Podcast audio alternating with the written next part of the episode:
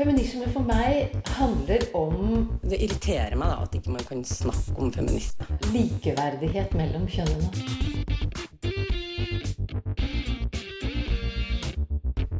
Det blikket på kvinnen på film. handlet det om å bli tatt på alvor som jente.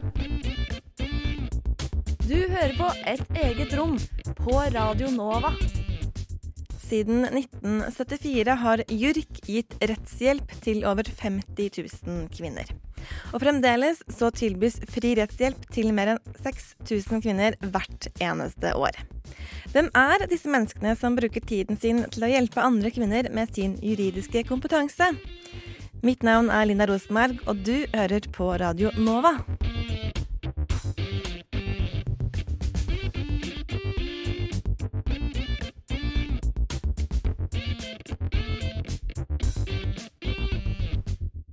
Velkommen til et eget rom, du som hører på, og velkommen til dere, Bjørk Gudmundsdottir Jonassen og Rikke Wittersen. Eh, Bjørk, ny daglig leder i JURK, og Rikke, stedfortredende daglig leder. Velkommen til dere begge to. Takk, takk. JURK er altså juridisk rådgivning for kvinner. Eh, og vi skal snakke litt om eh, hva JURK er, og hvem som jobber der, og hva dere gjør. Men siden vi nå har en ganske fersk, i hvert fall påtroppende daglig leder, Bjørk, så vil jeg snakke litt om deg først. Så vi blir litt kjent med hvem Bjørk er. Ja, det kan jo bli interessant. Og som daglig leder så skal man jo være ferdigutdannet jurist. Så jeg lurer litt på sånn helt, eh, hvis vi går dit, da. Hvorfor valgte du å studere juss? Um, det var egentlig helt tilfeldig for min del. Uh, jeg ville egentlig studere biologi. Og så uh, fikk jeg plutselig en sånn frykt for å ende opp uh, på en lab i en hvit frakk med bare tre kollegaer. Så da tenkte jeg at jeg skulle prøve juss et år og se hvordan om jeg likte det, og kanskje få muligheten til å jobbe med, med mennesker. da. Så da begynte jeg på jussen egentlig med en sånn innstilling om at jeg kom til å slutte etter et år. Men så fikk jeg en veldig god gruppe med venner og likte studiet. Og ja, endte opp med å, med å fortsette i, i seks år da, til sammen. Og hvorfor valgte du å engasjere deg i JURK? Jeg har alltid på en måte hatt et eh, feministisk engasjement. Eh, og hatt en vennegjeng som har vært veldig bevisst, og som har diskutert mye politikk og feminisme og kvinners rettigheter og den type ting. Eh, og så var det en som jeg studerte med, som, som eh, snakka lenge om at hun skulle jobbe i yrk, da. Og så gjorde hun det ett år før meg. Da tenkte jeg at det ville jeg også gjøre. Så da søkte jeg etter at jeg hadde gått fire år på jussen. Og så jobba jeg et år som saksbehandler, da. Eh, og da jobba jeg på den faggruppa som jobber med utlendingsrett og, og husleierett. Og trivdes veldig, veldig godt. Ja.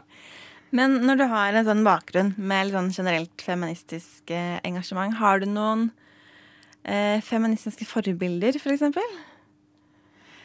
Akkurat nå så er en av dem eh, Jamila Jamil, som jeg syns er veldig kul.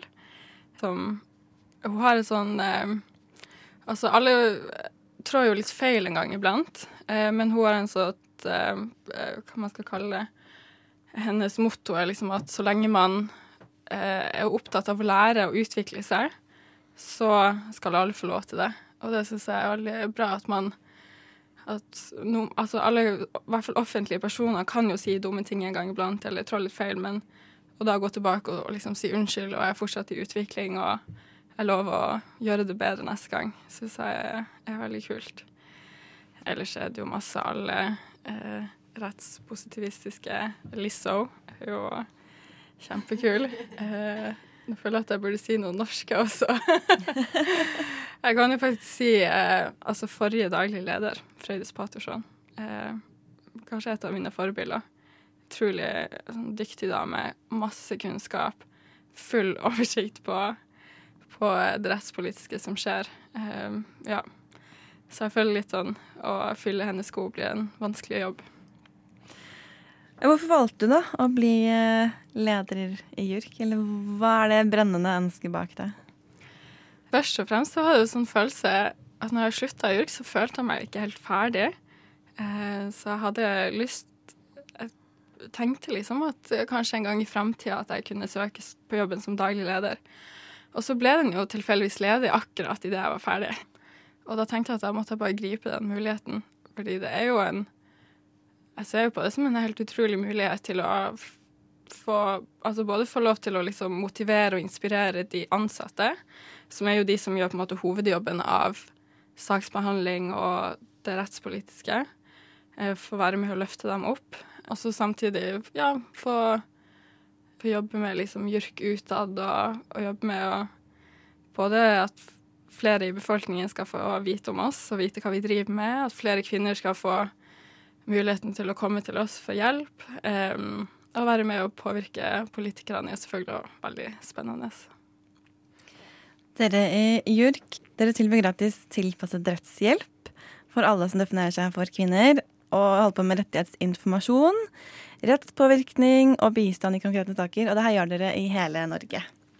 Kan dere fortelle litt om hva er ideologien eller bakgrunnen for at uh, man laget JURK uh, i sin tid?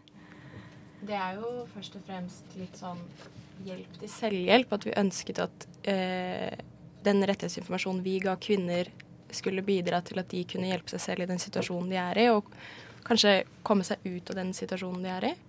Eh, for vi opplever at det er veldig På alle rettsområdene vi jobber med, så er det kommer kvinner dårligere ut. Eh, og den måten vi jobber på, er jo da å prøve å løfte de kvinnene på best mulig måte. Ja, så det er jo et slags mål om at um, alle kvinner i Norge, Norge skal være opplyst i sin rettsstilling, og så på bakgrunn av det kunne ta frie og bevisste juridiske valg. Som er det som på en måte står i alle strategidokumentene våre. Så det er på en måte det overordna målet. Rettighetsinformasjon og ja, at alle skal kjenne sin rettsstilling. Dere i løpet av et år jobber jo med godt over 6000 eh, enkeltsaker, eller hjelper ganske mange kvinner. Hvordan opplever dere behovet som er der ute etter en slik eh, tjeneste eller tilbud? Vi har jo sprengt kapasitet hele, siden, hele tiden, så eh, det er et veldig stort behov i veldig mange av rettsområdene vi jobber med. Da særlig familie, som er et av de største områdene vi jobber med. Vi eh, har mye diskriminering. Gravide diskriminering særlig. Eh, selvfølgelig vold. Eh, vi også hjelper kvinner i fengsel med straffegjennomføring, at vi opplever også at kvinner eh, har en dårligere stilling når de sitter inne. Og jeg kan jo nevne alle rettsområdene, for det er jo trykk på alle sammen. Er, vi jobber med arbeidsrett, eh, trygderett, utlendingsrett og husleierett, hvor også kvinner bare er i en sånn svakere posisjon, hvor kanskje de ikke har muligheten eh, økonomisk, selvfølgelig. Vi har jo inntektsgrense, som gjør at eh, vi har jo de svakere stilte kvinnene som kommer til oss, som rett og slett ikke har råd til advokat. Trykket går jo da på alle rettsområdene, som ikke kanskje man tror er sånn kvinnerettsområder, mm. typisk. Men uh, hvor vi ser at uh, behovet for at uh, noen som JURK er der, da, og hører litt ekstra godt etter. Og da tenker du på alle disse temaene du nevnte, mm. med trygd og arbeidsliv og likestilling. Ja. Mm. Du nevnte jo litt eh, om at mange av de som kommer, er kvinner med ganske lav inntekt. Kan du si noe mer om hva slags kvinner er det som typisk oppsøker JURK? Det er nest, eller litt underkant av halvparten av kvinnene som eh, kommer til oss, er minoritetskvinner, eller altså ikke etnisk norske, som kanskje snakker dårlig, dårligere norsk eller lite norsk. Eh, også veldig mange kvinner som har barn, som er aleneforsørgere. Og det er kanskje helt kort de type kvinnene som vi har. Men også kvinner i arbeidslivet som blir sagt opp fordi pga. en eller annen rar grunn, f.eks., hvor, hvor de ikke har peiling på hva som faktisk har skjedd, hvor de kommer til oss og vi skal prøve å nøste opp i hva som har skjedd, og hva de kan ha rett på eller krav på. Så det er jo Vi har jo eh, Alle som tjener under f.eks. 246 000, har jo krav på noe som heter fri rettshjelp. Så de tar vi hovedsakelig ikke imot. De, de, har rett på advokathjelp i enkelte typer saker, så de henviser vi videre. Så vi har på en måte fokusert på det, det mellomskillet da, mellom de som ikke har krav på gratis advokat, men de som heller ikke har råd til å betale for det sjøl. Og det er, et ganske, det er ganske mange, ser vi. Fordi den fri rettshjelpsordninga, som det heter, den har ikke blitt endra på mange, mange, mange år. Mens altså, konsumprisindeksen bare har økt og økt. Så det er også noe vi kontinuerlig Vi jobber jo for vår egen selvutslettelse, som vi sier. Så vi jobber på en måte for, å, eh, for at fri rettshjelpsordninga skal styrkes og bedres, sånn at flere faktisk har også rett på gratis advokat. Sånn sett er det jo bedre at staten og advokater hjelper disse kvinnene enn jusstudenter, eh, som gjør det på ettårsbasis. Ja. Det hadde nok vært bedre for alle. Eh, Når man går inn på nettsidene deres, så finner man veldig fort ordet kvinnerett. Jeg regner med at dere har vært litt sånn innom det uten å bruke ordet allerede. Men, men kan dere utdype litt? Hva er denne kvinneretten? Det er et stort spørsmål. Altså, kvinneretten er jo noe som har blitt oppretta på ikke, altså, I Norge ble det oppretta på jussen i Oslo av bl.a. Eh, Lucy Smith, som var den første kvinnelige med doktorgrad i Norge. Og uten at jeg på en måte egentlig har satt meg så mye inn sånn, i definisjonen av kvinneretten, men det er jo et slags mål om å bedre Altså kvinneretten har jo som mål å bedre kvinners eh, rettsstilling i Norge. Um, og så ser man at hvis man ikke har fokus på det kjønnsperspektivet, så eh, tar man det ikke med. Eller så tar man ikke hensyn til det. Så mm, da eh, analyserer man retten og, og samfunnet med et sånn feministisk perspektiv, da. Eller et kvinnerettsperspektiv. Og, da, og det er jo det vi også gjør i yrket, at vi har et, et kvinnerettslig perspektiv i alle sakene vi har. Og da ser man fort på en måte system og indirekte diskriminering i de sakene man behandler. Og det tror vi at de fleste andre også ville sett hvis de bare hadde brukt det øyet, holdt jeg på å si. Eller hvis de bare hadde hatt det fokuset, så, så ville man funnet det andre plasser også. Mens pga. kapasitet så har vi valgt de, de rettsområdene som Rikke nevnte i stad. Og så gjør dere en del rettsopplysning. Hvordan er det det foregår? Hvordan gjør dere det? Da har vi, vi har foredrag både på norskopplæringa, på kvinnekafeer, på skoler. Egentlig alle de stedene vi føler vi kan treffe kvinner som trenger vår hjelp, da. Og så har vi også sånn rettighetsturné, eh, hvor en gang i året så reiser vi rundt omkring i Norge, Norge hvor vi deler oss inn i grupper. Og reiser til Trøndelag og Rogaland og Nordland og Troms og Finnmark. Finnmark. For å eh, treffe på kvinner som kanskje ikke hadde funnet oss hvis ikke vi hadde vært der og holdt foredrag, eller satt opp en plakat, eller eh, snakket med noen som kan sette oss i kontakt med oss. Eh, så det, det er også Der opplever vi jo at vi treffer de kvinnene som kanskje trenger det enda bedre. For jeg er ganske i Oslo så er det mange som kjenner til oss, for der har vi har jo holdt på i 45 år. Så vi, får, eh, vi har jo selvfølgelig størst base i Oslo. Men eh, det er jo ikke noen andre tiltak som oss i resten av landet, så da er det viktig at vi treffer de som er i andre steder i landet også. Og da er det rettigheter man har innenfor de områdene som du nevnte tidligere. Ja. Mm. Og så leste jeg at dere har noe som kalles Jussambassadørene. Eh, kan dere fortelle litt om akkurat det prosjektet? Det er et eh, prosjekt som er laga etter Trained Train the Trainers-modellen. Så vi har et samarbeid med en del kvinner fra eh, den thailandske kvinneforeningen, og også noen polske.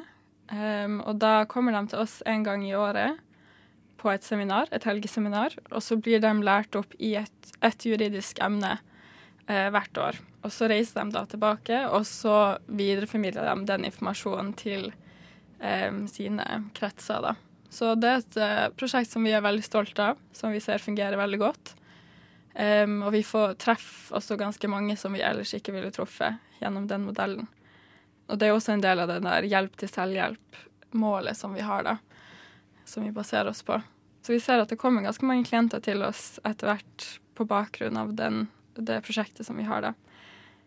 Dere er jo avhengig av økonomisk støtte for å kunne gjøre den jobben dere gjør. Og både i 2017 og 2018 så var det jo en del sånn støy rundt det her med politikere som ville redusere støtten til bl.a. Uh, JURK. Hvordan, altså, hvordan er det nå når det gjelder den økonomiske støtte? Det har vært Altså, det er jo De der kuttene kommer sånn i syklus, holdt jeg på å si. De, hvert, hvert, andre år, hvert tredje år, så er det noen som prøver, som prøver å kutte. Og så er det på en måte greit imellom. Da får vi som regel det vi, vi trenger. Vi har jo alltid trang økonomi, men vi, har, altså, vi, er jo ikke en organisasjon som driver for profitt, så målet vårt er jo alltid å, å, gå i null. Så det vi trenger, er jo eh, altså støtte til gi saksbehandlerne litt lønn, til administrasjon, til utgiftene for å reise, og vi har brosjyrer og den type ting. Så vi har et ganske stramt budsjett. Men um, det som vi er litt spent på, er at nå har staten har endra måten de har gjort budsjettet på. Så tidligere så har vi fått, et, uh, fått øremerkede midler i statsbudsjettet hvert år. Og da har det vært veldig tydelig å se når JURK har blitt kutta, for da har det jo vært et aktivt direkte kutt i vår støtte. Mens nå har de samla alle de spesielle rettshjelpstiltakene, som det heter, i en felles pott, og eh, gitt det til noe som heter Statens sivilrettsforvaltning, og, og vurdere etter en søknad. da. Så det vi er litt redd for, er at det etter hvert skal komme sånne generelle kutt i fellespotten, da, som, ikke, man, altså som man ikke kan si går like direkte utover eh, f.eks. JURK, men som i realiteten vil gjøre det når det kommer til altså andregangsbehandlinga eh, i Statens sivilrettsforvaltning. Så vi, vi, er litt spent på å se hva som skjer i, i årene fremover. Men vi kan jo si vi fikk jo en økning i støtten fra Oslo kommune eh, for neste år, så det er vi jo veldig takknemlige for. Så alt, alle monner drar. Dere har jo nevnt at det er eh, jusstudenter som eh, er saksbehandlere, eh, som tar permisjon mer eller mindre fra studiene i ett år for å være saksbehandler. Er det mulig å si noe sånn Hvem er den typiske JURK-saksbehandleren? Det er faktisk et veldig vanskelig spørsmål, for vi er så forskjellige, alle sammen. Ja. Eh, og det er jo litt eh, fantastisk å se at alle har jo på en måte den samme driven, den samme motivasjonen, den samme, de samme verdiene på et eller annet vis. Og det gjør at eh, vi jobber veldig godt sammen, og det er veldig godt samhold. og jeg tror engasjementet til alle som jobber i yrk, bare stråler frem fordi at vi bare pumpes litt opp av hverandre, alle sammen. Mm. Men det er, jo, det er jo noen som kommer til oss og allerede har hatt medlemskap i ulike foreninger, som har allerede på en måte hatt mange års erfaring med, med ulike feministiske prosjekter og organisasjoner. Så det er andre som kommer til oss som har hatt et engasjement, men som aldri har fått utnytta det. Eh, og som tenker at yrket er året de skal bruke da, på, på, å prioritere det. Så ja, Men vi ser at alle på en måte ja, blomstrer veldig i det året i yrket. Og um, jeg tror man, ut, man, får veldig mye informasjon og kunnskap i løpet av det året og utvikler kanskje meninger eller får et sterkere feministisk engasjement og interesse i å jobbe videre med kvinneretter. Det ser vi at veldig mange gjør. Mange får altså det, den faggruppa eksempel, som de jobber på i JURK, at det er et område de velger å jobbe med videre i arbeidslivet. da. Og det er jo litt av målet med JURK også, er at det skal være en slags praksiserfaring for jusstudentene for å inspirere til videre arbeid innenfor kvinneretten. da. Eh, men det er både, både kvinner og menn som jobber hos oss. Det er viktig å si. Men for å bygge litt videre på, på det du har snakket om nå. Eh, hvis man studerer eh, juss, hvorfor vil dere si at man bør komme og jobbe et år for eh, JURK? Altså, man lærer så mye. Det, jeg begynte i januar og er snart ferdig. Og jeg ville aldri vært foruten med tanke på kunnskap. Og vi har jo veldig mye kontakt med klienter, så, og det er på en måte en erfaring, praks, praktisk erfaring som man ikke har noe annet sted eh, på jussen det å på en måte være arbeidstaker et år er også helt eh, unikt. Å jobbe samarbeide, jobbe selvstendig. Man jobber med jussen på en helt annen måte enn det man gjør når man selv sitter og leser disse pensumbøkene dag inn og dag ut. Og det er på en måte en erfaring jeg aldri ville vært eh, foruten. Ja, du møter jo helt utrolig mange folk, eh, mange mennesker, hører mange, mange historier. Mye sterke historier. Vi jobber jo med mange kvinner som har vært utsatt for vold. Og måtte på en måte ta det inn over seg og, og lytte og forstå. Og, og du får et, et, mye bedre innsikt i samfunnet i dag, da, eh, vil jeg påstå. Og så er det jo en uvurderlig erfaring til videre arbeidsliv. Absolutt. Klientkontakt. Du har mye ansvar. Du får muligheten til å gå i eh, sånne ulike tvistutvalg, forliksrådet. Drive med partsrepresentasjon. Og ikke minst da påvirke, påvirke politikken. Gå i møter på Stortinget, ha lobbymøter, skrive høringer, foredrag, artikler. Ja. Du, det er liksom et år du virkelig kan få Hvis du har et engasjement og har motivasjon, så kan du få utretta helt utrolig mye.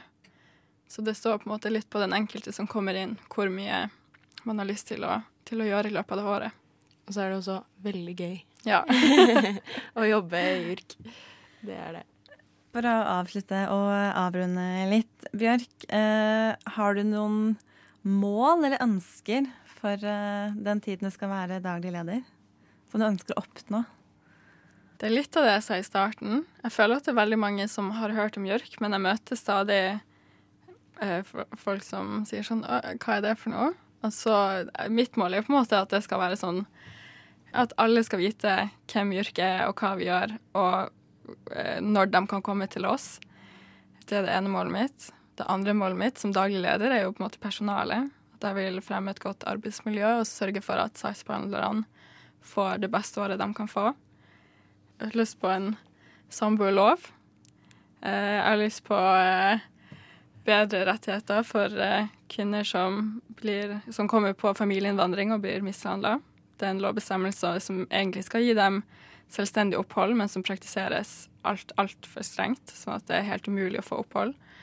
Det er mye sånne enkeltmål som, som vi har jobba med altså, i årevis som vi bare må fortsette å, å jobbe og prøve å påvirke for å, for å, få det gjennom. Ja, jeg tror det på en måte er, er hoved, hovedmålene. Det var veldig gode mål. eh, tusen takk for at dere kom, eh, Bjørk Gudmundsdatter Jonassen og Rikke Wittersen i JØRK. Takk. Tusen takk. Du som er sliten og sinna og lei. Nå vil vi synge ei vise til deg om at kvinner kan si fra, protestere og slåss. Bli med hos oss. Du hører på Et eget rom. Likestilling kommer ikke av seg selv. Mest sannsynlig så har du fått med deg oppstarten av det helt nye kvinnemagasinet Altså, som kom med sin aller første utgave nå i sommer. Om kort tid så kommer redaktør Ida Eliassen Coker hit til et eget rom for å fortelle litt om begynnelsen til dette magasinet. Lisa og Naomi Diaz er søstrene bak navnet Aibayi. Og i 2015 så kom de med låta Ghost, og her er de igjen.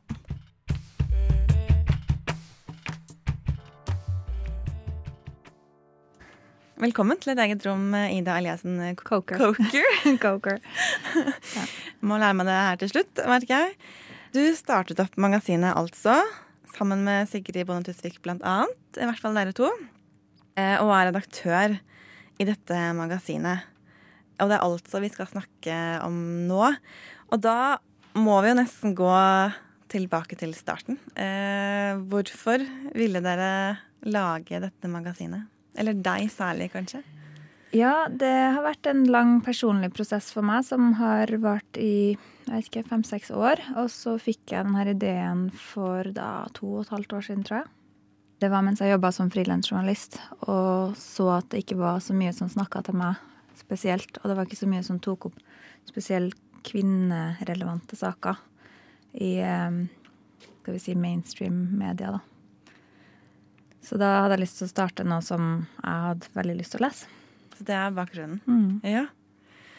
Og så leste jeg i en artikkel hos journalisten at dere med altså har som mål å endre verden. Eh, og det høres jo både veldig spennende ut, men nesten litt sånn hårreisende ut også. Hva er det dere ønsker å endre på eh, med altså? Jeg tenker jo at eh, ingenting er vel verdt å drive med hvis du ikke har tenkt å forandre verden med det. Jeg tenker du må gjøre noe viktig i livet.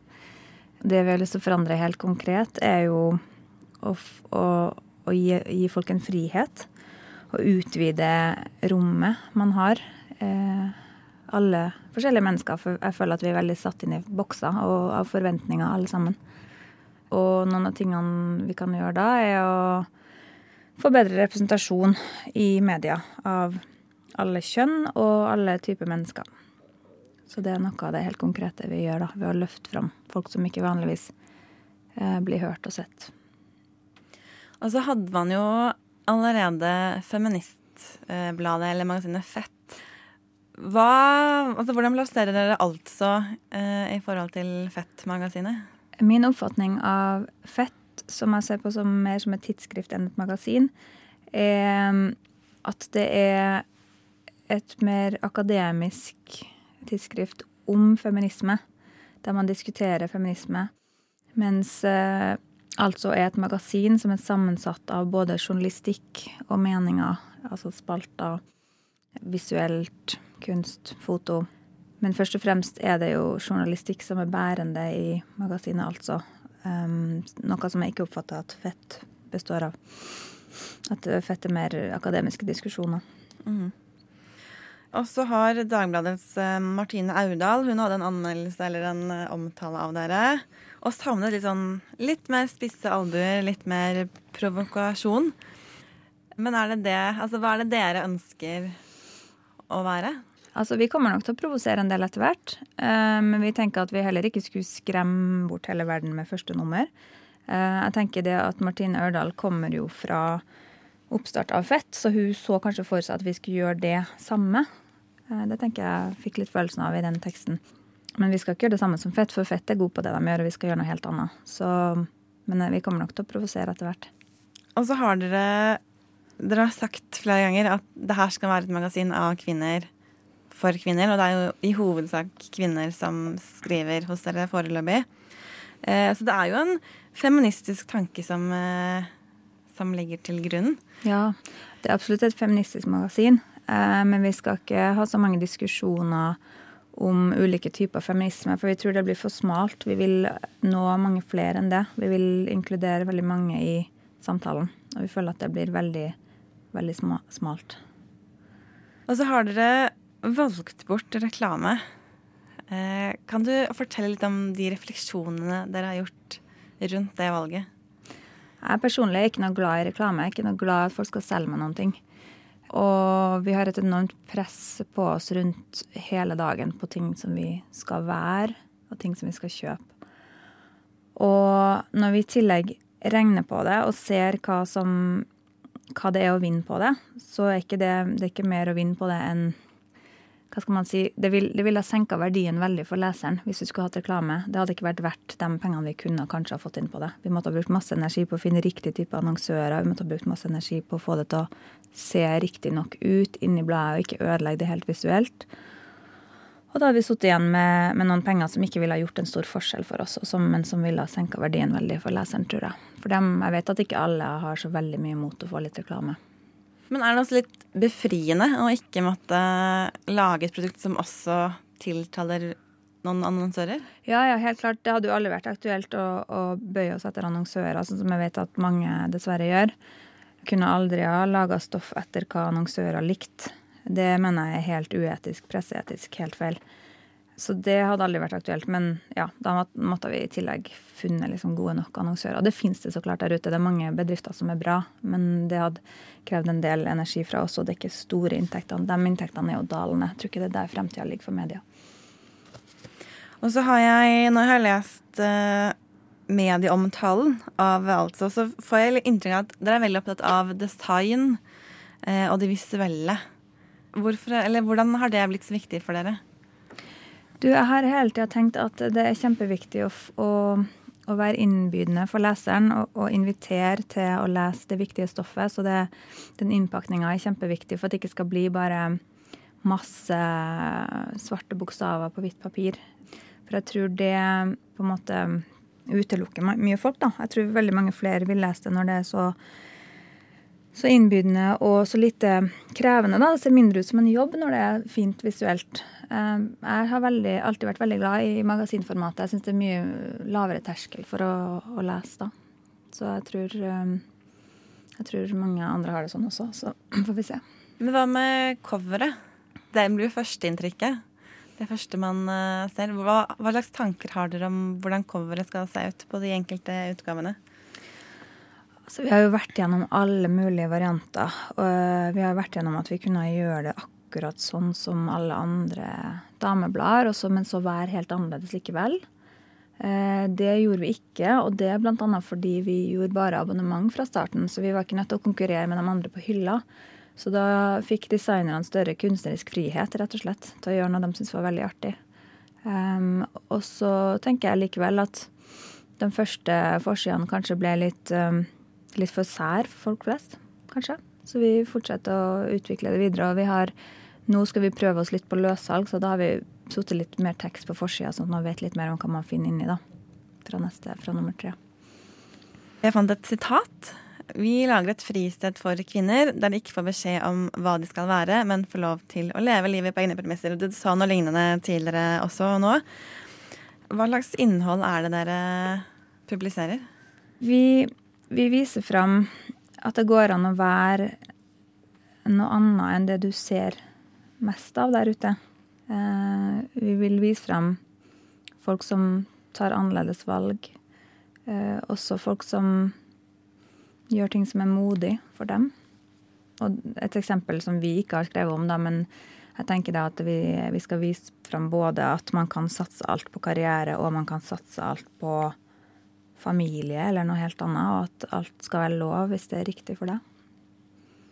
Og så har dere eh, en god del gode frilansjournalister. Når det er liksom utgangspunktet, eller det er de som eh, dere jobber med, hva slags frihet gir det den enkelte journalist på en måte til å skape innhold? Vi får jo veldig mange henvendelser fra skribenter eh, om ting de har lyst til å lage sak på, og også bare folk som har lyst til å jobbe med oss generelt, men ikke har konkrete ideer. Eh, og så har vi mange ideer som vi på en måte setter ut til frilansere.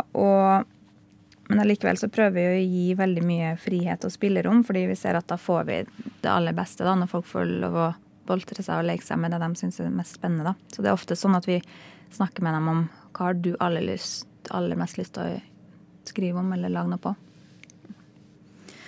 Eh, og så er det jo noe man hører hele tiden fra alle slags produsenter, om det er eh, medieinnhold eller annen type innhold, at man skal ta målgruppen på alvor. Eh, og da lurer jeg litt på hva Det å ta kvinner på alvor, altså hva betyr det rent sånn konkret for deg? Eh, ikke anta at de bare er opptatt av fjas. Jeg syns det ser ut som mange blader antar at vi bare er opptatt av fjas og overfladiske ting. Um, så akkurat et sånn Jeg har ikke sett, vet ikke hvor seriøst det var, men jeg tror det var et um, skjermbilde fra en avis av en mannlig politiker som mente at det var så få kvinnelige politikere lokalt fordi de ikke var opptatt av asfaltering. Altså hvor mye vei som skulle asfalteres, liksom. Nei, for det er ikke kvinner opptatt av. Nei. Ja, og da føler jeg at man ikke tar, eh, tar oss på alvor, da. Jeg tror kanskje ikke det er derfor at det er lite kvinnedekning i lokalpolitikken. Men det er en ting som jeg syns er veldig interessant og veldig viktig å undersøke, hvorfor det er lite representert lokalpolitisk. For det burde det ikke være. Dere har jo eh, på ganske kort tid klart å få ganske mange abonnenter. Jeg vet at dere har et ganske høyt mål. Var det rundt 40 000, Ja, som dere sa ja. i starten i hvert fall? Jeg sier det, men det er ingen andre som tror at det er mulig, da. Nei. Eh, Men ble dere overrasket over at det gikk så fort? Eller tenker du at det kanskje gikk litt sånn sakte? Eller, ja. Jeg, altså, jeg er overraska over at vi ikke fikk 40 000 med en gang. Men alle andre er overraska over at vi nå har 8600 abonnenter på litt over et halvt år. Ja, For det er jo enormt godt gjort Ja. for et helt nytt uh, magasin. det visste jeg. Når jeg snakker med folk i bransjen, så måper de bare og tror ikke helt på meg, kanskje. Så jeg er fornøyd med det, for det må jeg drømme om mer, da. Men hva, når folk spør, hva svarer du da? Det er jo tydeligvis et tegn på at uh, folk vil lese noe som ligner på altså. Ja, når folk spør om hva, mener du? Nei, om hvordan man har, eller hvorfor det går så bra at dere får oh, ja. så mange Um, abonnenter på kort tid. Nei, det var vel eh, riktig det jeg følte på, da. At folk savna noe. At uh, det var rom for noe veldig annerledes i Norge. Eh, vi må begynne å runde litt av, men jeg lurer litt på hvorfor, eh, hvorfor navnet, altså? Ja, det var kusina mi Irja Eliassen som var med og starta opp, som også jobber med oss fortsatt. Hun, hun kom med den ideen når vi drev og um, idémyldra i starten. Og det er jo et kort og enkelt ord som på en måte har veldig få assosiasjoner bundet til seg, så man tenker ikke med en gang et eller annet når man hører det. Samtidig så er det et ord som man bruker når man argumenterer for noe, og så kan det bety litt at, at nå nå, altså, nå, er det, nå er det nok. Eller Assa. Vi kunne ha kalt det Assa, kanskje. Så ja, Ja. litt sånn for gøy nesten, og litt sånn Ja. ja. Vi var inne på forskjellige kvinnenavn. Eh, men da har man veldig store assosiasjoner til hvert navn. Pluss at det er også veldig forbundet med etablerte dameblader. Da. Så vi gikk bort fra den også. Men når dere, når dere nevner dette med at, mye, at det er mye brukt i et argument, tenker du litt at magasinet altså Det er jo et slags argument i seg selv i de valgene dere har gjort. Er det litt for å speile det også? Ja, det kan du jo si. Vi prøver jo å Prøver å være med i en samtale her. Eller starte en samtale, kanskje. Helt til slutt Ida, for nå har vi snakket veldig mye om, eh, om magasinet som du er redaktør for, men vi vet jo veldig lite om, eh, om deg. Mm. Hva har måtte, din vei vært inn i et litt sånn feministisk eh, landskap? Jeg har nok alltid vært feminist fordi jeg har blitt beskyldt eh, for å ikke være det. F.eks. for eksempel eh, fikk jo, havna jo i en krangel eh, med tanta mi når hun hørte om det her, for at eh, hun mente at jeg ikke var feminist. da. Eh, Jeg har ikke helt, fortsatt ikke skjønt helt hvorfor. Men jeg gjør jo, jeg gjør jo en del ting som sikkert kan argumenteres eh, ikke feministisk, men det tror jeg vi alle gjør, og det tror jeg må være lov. For eksempel så har jeg jo tatt etternavnet til mannen min. Det er ikke et sånn kjempefeministisk ting å gjøre. Eh, men i den konteksten der vi bodde i USA, så, så var det forventa at man bare tok hans navn og sletta mitt. Så egentlig så kan jeg betegnes som Mrs. Michael Coker, og jeg går ikke dit, da. Men jeg har fått post med det navnet. Men jeg leste jo f.eks. Gerd Brantenberg sin um, Egalias døtre eh, for veldig lenge siden. Det tror jeg var på videregående. Og det, det tror jeg har forma meg litt, og var, føltes veldig viktig den gangen. Og så har jeg husker jeg gikk inn på Simone de Beauvoir og Dan kjønn inn på, på X-fakken, var det vel. Husker det veldig godt. Så det, det begynte tidlig. Men jeg har ikke vært noen feministaktivist. Jeg tror jeg ikke jeg kan si, men det har vært helt selvsagt for meg egentlig en, en del av de tingene med at vi er likeverdige. Det er det som er viktig. Vi er likeverdige, og vi skal ha samme muligheter. Og så sånn eh, siste spørsmål. Siden du er hos oss eh, i et eget rom, har du noen feministiske forbilder? Ja, mange. Geir Brantenberg kan jeg nok se på som et feministisk forbilde som var så flink til å presentere den absurdheten rundt, rundt den verden vi lever i fortsatt. Allerede da. Så det, det er veldig viktig, det hun har gjort. Nå går du jo veldig i bresjen eh, selv med, med oppstarten av et magasin og som redaktør av et, eh, av et magasin. Hvordan er det liksom å gå litt i bresjen? Håper du å inspirere flere til å kanskje hoppe litt i det? Absolutt. Jeg har vært gjennom veldig lang reise sjøl med det å tørre å stikke meg fram og tørre å mene noen ting. Tørre å skrive kronikker. Og har jeg til og med vært i to eh, direktesendte TV-debatter, og det var mine to første debatter i livet. Og det så jeg ikke for meg at jeg skulle gjøre. Jeg var livredd for å snakke foran folk for et år siden. Så jeg håper det inspirerer folk til å tørre, og vi har lyst til å hjelpe folk ved å arrangere kurs og seminarer for å gi folk de verktøyene de savner. Tusen takk for at du ville komme hit og snakke med meg, Ida Eliassen Coker. Tusen takk. Du hører på Et eget rom på Radio Nova. Det gjør du, og vi nærmer oss slutten på denne sendingen. Hvorfor er kvinnekamp også klimakamp? Det spurte vi om tidligere i høst.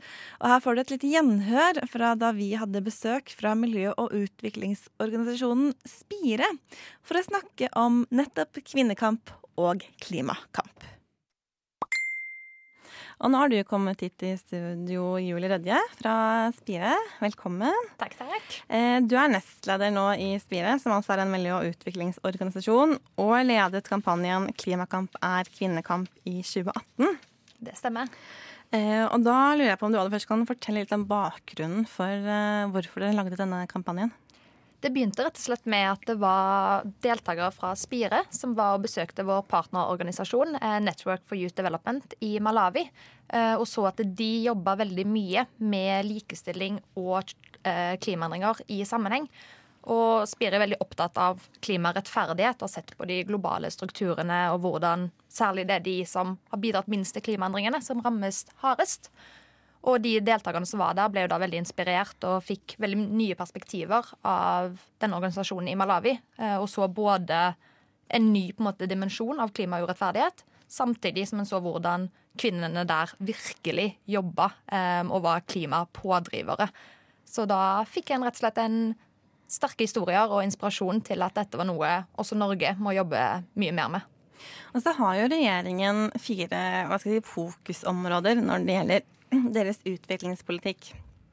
Eh, som bl.a. er kvinners eh, rettigheter og likestilling og klima og miljø.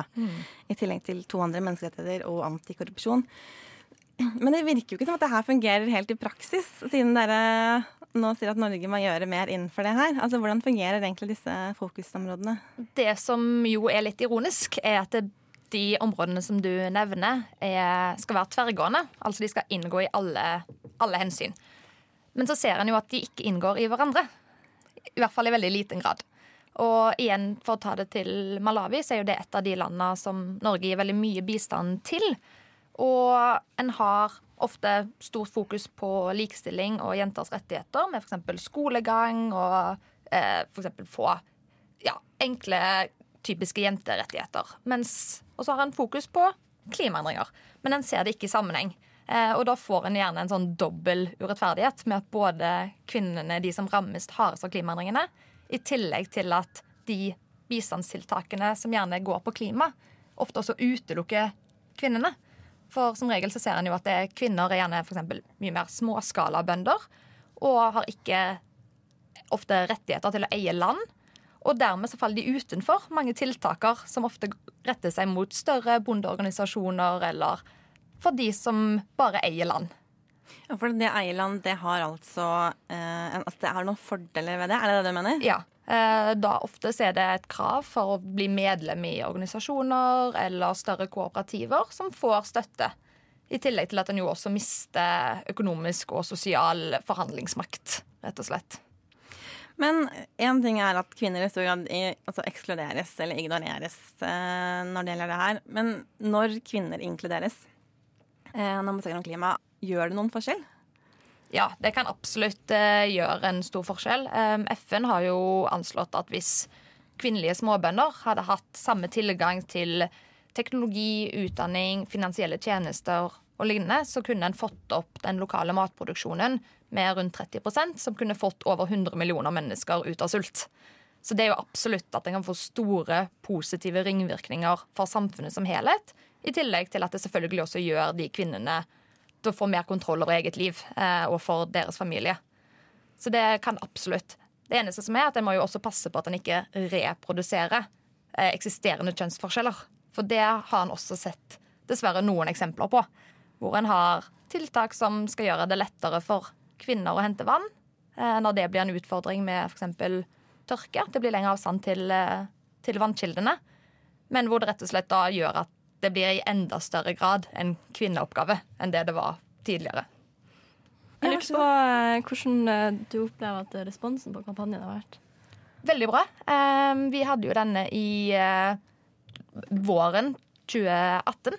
Og en ser jo i år også, så var det Kvinnekamp er klimakamp en av de store parolene i 8. mars-toget. Året før så var det jo vi som jobba for å få den inn, men nå, helt uavhengig av oss, så kom han på på nytt.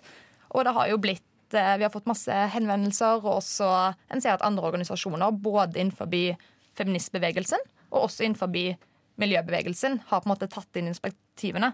Og det var jo noe av vårt mål også, å se at det, hvis du er opptatt av det ene, så bør en også være opptatt av det andre. For disse tingene henger sammen, og en er nødt til å se helheten og det store bildet. Dere formulerte jo også noen eh, krav til regjeringen og rikspolitikerne. Og du har vel vært litt innom det med dette med at man ikke må reprodusere forskjeller. Men, men hvilke andre krav var dere satte til politikerne? Vi mener jo at Norge som en veldig rik oljenasjon er nødt til å ta mye større klimaansvar.